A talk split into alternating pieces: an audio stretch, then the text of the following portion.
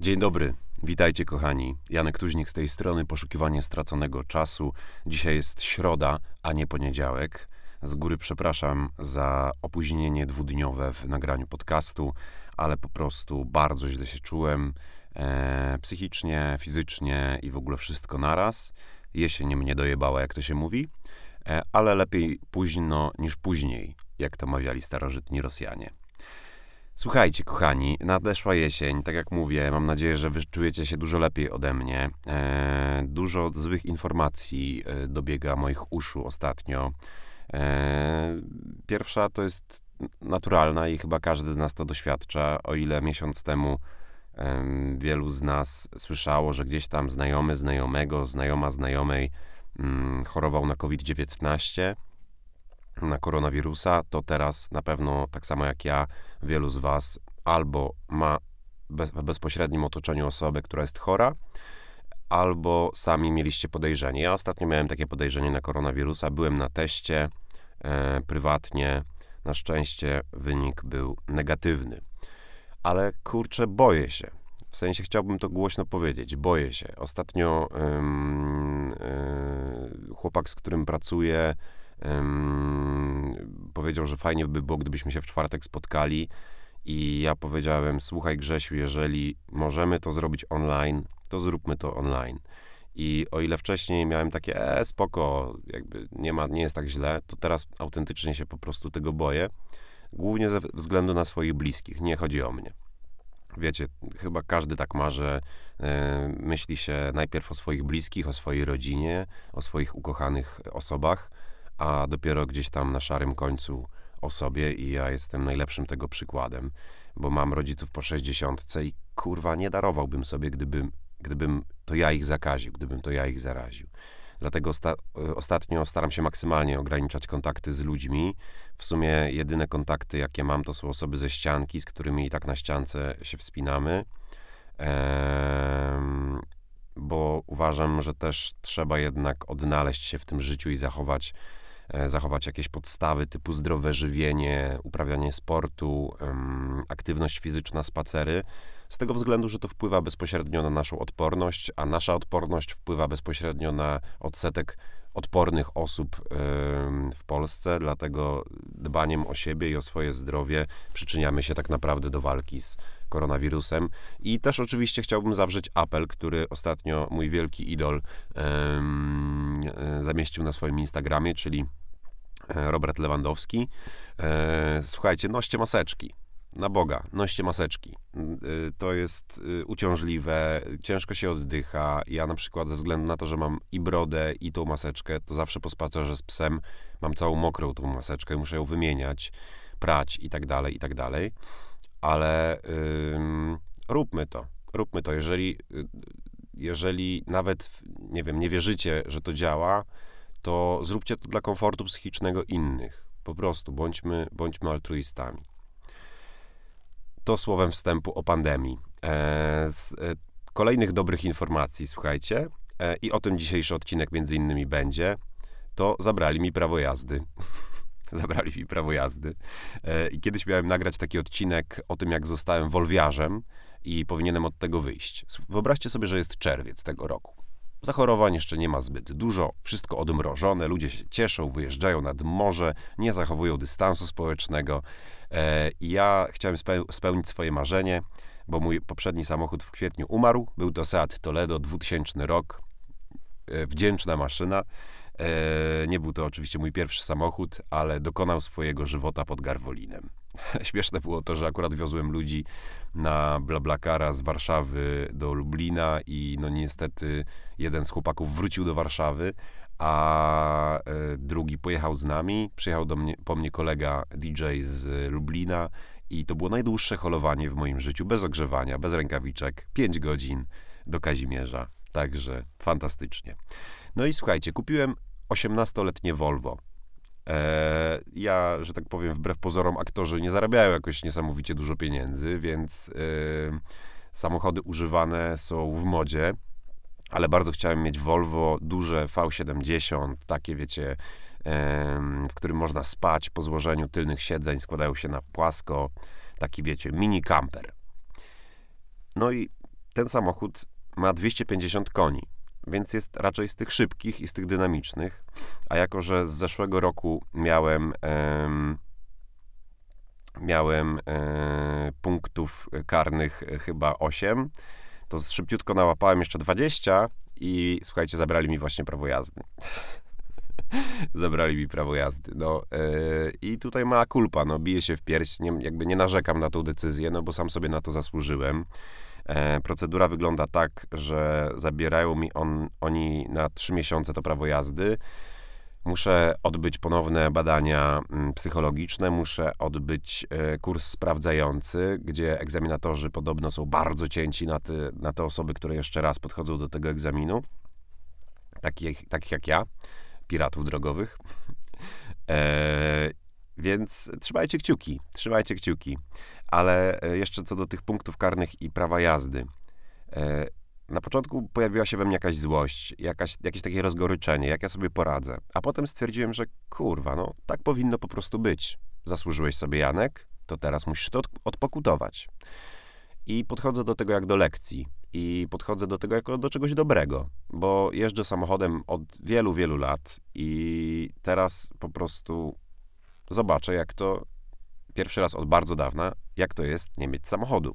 Więc więcej chodzę piechotą, co jest plusem, nie wydaję na paliwo, co jest plusem, nie wydaję na eksploatację tego samochodu, co jest też plusem.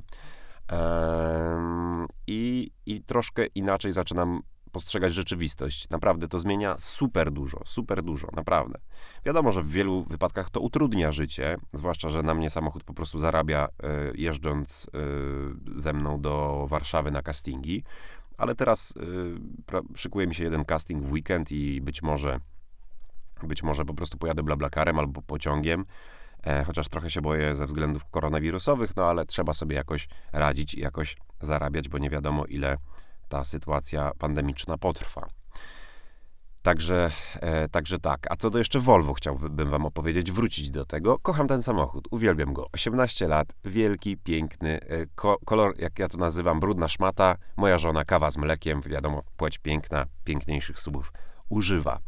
E, I mówię, 18, 18-letnie Volvo nie brzmi może zachęcająco, ale jest super, jest wspaniałe. Jest, I jeżeli ktoś z Was się zastanawia, to polecam całym sercem. Ostatnio zresztą mojego kolegę mm, Grzesia innego Grzesia niż z początku dzisiejszego podcastu.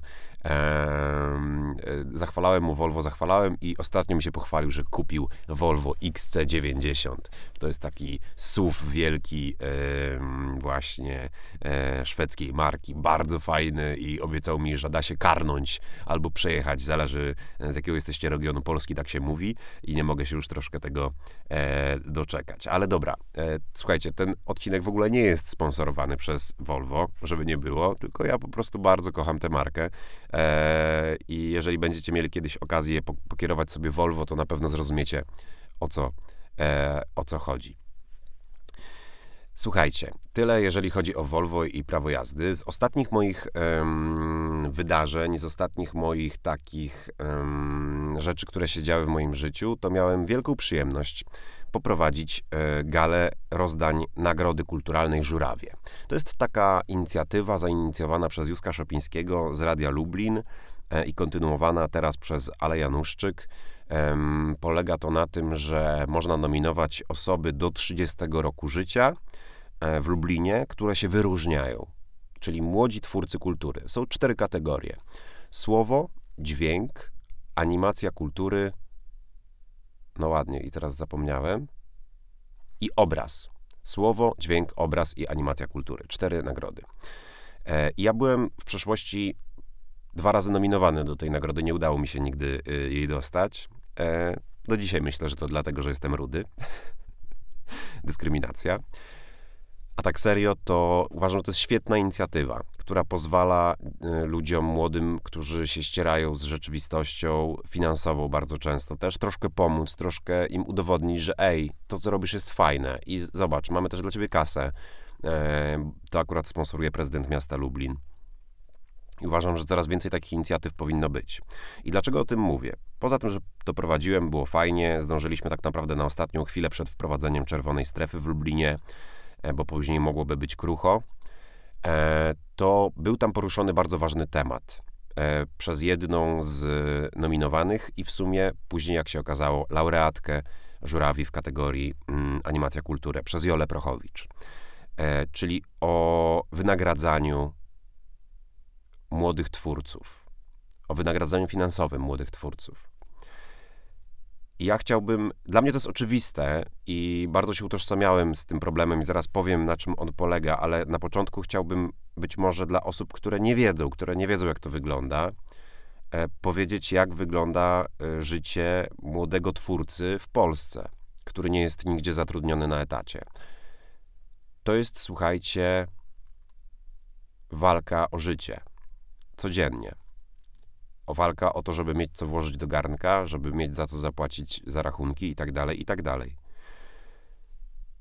W ogóle system polski nie jest zupełnie przy, przystosowany do, mm, e, do takiej formy zatrudnienia jak freelancing, jak wolny strzelec, jak wolnostrzelectwo na przykład ja. Ja jestem freelancerem i nie ukrywam, radzę sobie dosyć dobrze, ale ja musiałem do tego dojść. Miałem pierwsze dwa lata, y, gdzie skończyłem pracę na etacie w teatrze, wróciłem do Lublina i miałem naprawdę bardzo ciężko, a już utrzymywałem się sam i z tego nie ma powrotu do y, proś, proszenia rodziców o kasę. W sensie ja przynajmniej czegoś takiego nie widziałem, więc było ciężko, było krucho, y, bo Słuchajcie, no to jest tak, że y, czasami ludzie mówią, a ty masz fajnie, tu się zagrasz, tutaj coś powiesz i zarabiasz tyle pieniędzy. No okej, okay, tylko że ludzie sobie to przykładają do 40-godzinnego 40 godzin, 40-godzinnego tygodnia pracy, czyli typowego etatu. Freelancerzy, słuchajcie, owszem, zarabiają czasami kilkaset złotych za kilka godzin, ale na przykład potem nie zarabiają w ciągu miesiąca nic.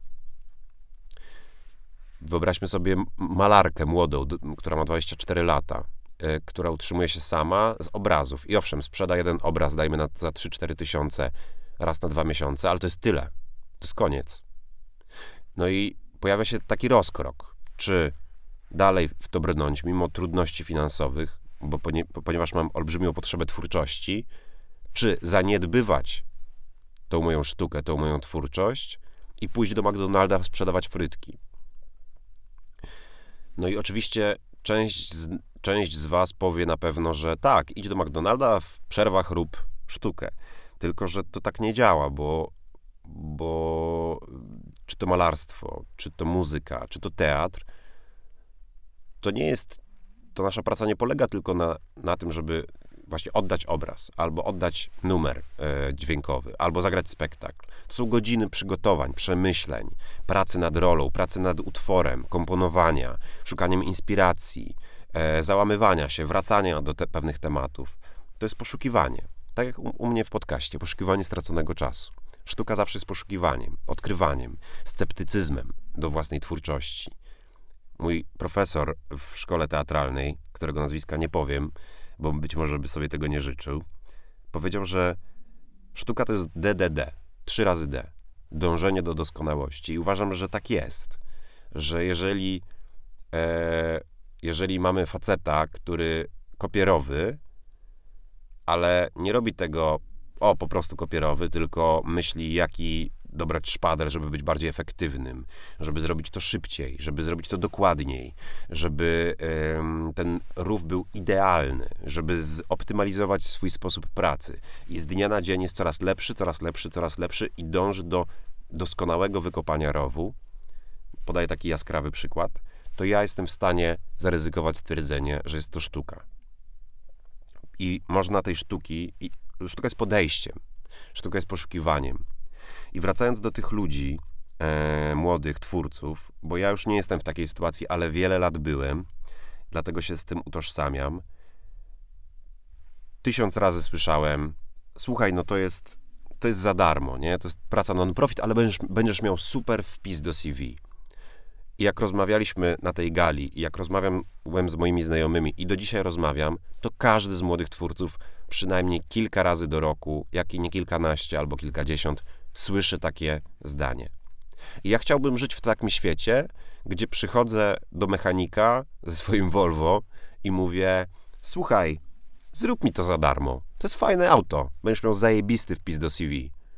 Albo e, pójść do piekarni i powiedzieć: Pani da mi chleb za darmo, bo jestem aktorem e, i po prostu będzie mogła pani powiedzieć, że kupuje u pani bohema. No wiecie, rozumiecie, jak, jak bardzo abstrakcyjnie to brzmi, e, jeżeli chodzi o piekarza czy mechanika. Jak jesteś artystą i ktoś ci proponuje zrobienie czegoś za darmo, to też to tak abstrakcyjnie brzmi, bo poza tym, że to jest twórczość i to jest misja i to jest po prostu coś, co musimy robić, bo mamy taką silną potrzebę, to, to, jest, to jest też, to są też pieniądze na nasz chleb, na nasze rachunki, na eksploatację samochodu, na benzynę, na jedzenie, na to, żeby pójść z psem do weterynarza albo samemu do lekarza, bo nie mam ubezpieczenia. Ubezpieczenie to jest kolejna rzecz. We Francji na przykład jest taki system, że jeżeli udowodnisz, że swo, jakby udokumentujesz swoją twórczość, dostajesz status artysty, przez co nawet jak nie pracujesz, to masz e, świadczenia, składki ZUS-owskie i społeczne. Znaczy ZUS-owskie i zdrowotne. Polsce czegoś takiego nie ma. Ja jako freelancer, na przykład pod względem kredytowym, nie istnieję. Nie ma mnie. Ja nie jestem, nie mogę, słuchajcie, kupić, nie mógłbym kupić mikrofalówki na, na raty, bo nikt by mi ich jej nie sprzedał, bo nie mam, um, nie mam, um, nie mam po prostu umowy o pracę. E, także, Także to jest taka, e, taka kolejna rzecz, którą chciałbym poruszyć. Chciałbym, żebyście się nad tym zastanowili. Tutaj, żeby już dopełnić e, tego tematu, to zawsze podaję ciekawy przykład e, Kasi Nosowskiej, która jest oczywiście moją olbrzymią idolką i uważam, że jest fantastyczna i fenomenalna, piękna i cudowna. I mógłbym jeszcze wiele superlatyw wymienić. I można powiedzieć, że, na kasetach Heja się wychowałem. E, mam gdzieś nawet e, kasetę z 93 roku. Mm, pierwszy album Heya Fire. Muszę sobie kiedyś znaleźć to i posłuchać. E, więc ludzie bardzo często się e, buntują. Jest dużo zawiści i zazdrości w Polsce, że taka Kasia Nosowska bierze 40 tysięcy złotych za koncert. No tak, bierze.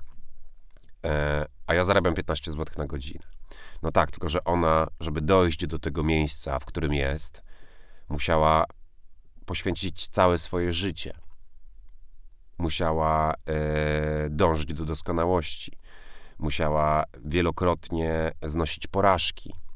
E, musiała odbyć miliony godzin, godzin prób muzycznych. E, I powoli, powoli dochodziła do tego e, sukcesu, jaki niewątpliwie osiągnęła.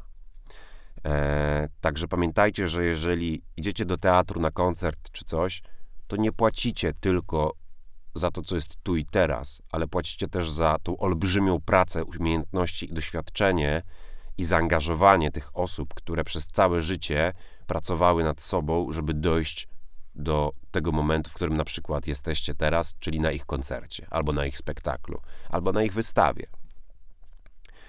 E, można się z tym zgadzać albo się nie zgadzać. To jest po prostu moja perspektywa jako artysty. Powoli kończąc, moi drodzy, e, dzisiaj kilka duży, tak, dużych takich tematów, e, to chciałbym Wam powiedzieć, że stoję przed bardzo dużą decyzją w życiu. Że przed taką decyzją w życiu, która zmieni e, moje życie być może o 180 stopni. E, I cholera, nie wiedziałem zupełnie, jak ją podjąć. I czy, czy, czy się zdecydować na coś o czym nie chcę na razie mówić, e, albo się nie zdecydować.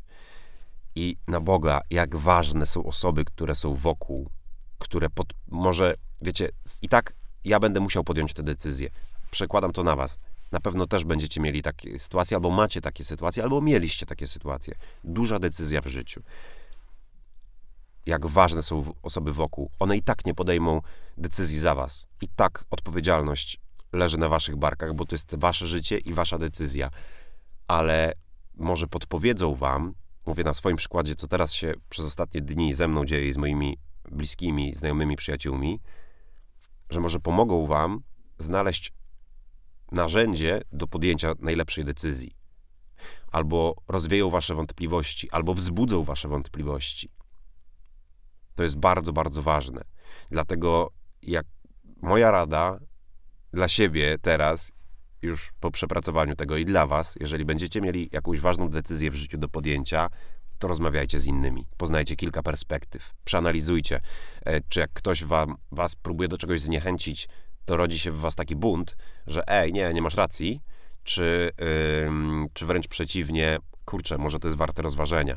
Bo to, jak nam ktoś mówi dobre rzeczy, znaczy inaczej, y, mówi takie rzeczy, ej, zrób, albo mówi, ej, nie rób, bo to, to nasza reakcja na to też ma olbrzymie znaczenie. I dzięki temu możemy dojść jak najbliżej prawdy. Może troszeczkę filo filozoficznie dzisiaj koń, kończę, ale, e, ale to jest właśnie w mojej głowie.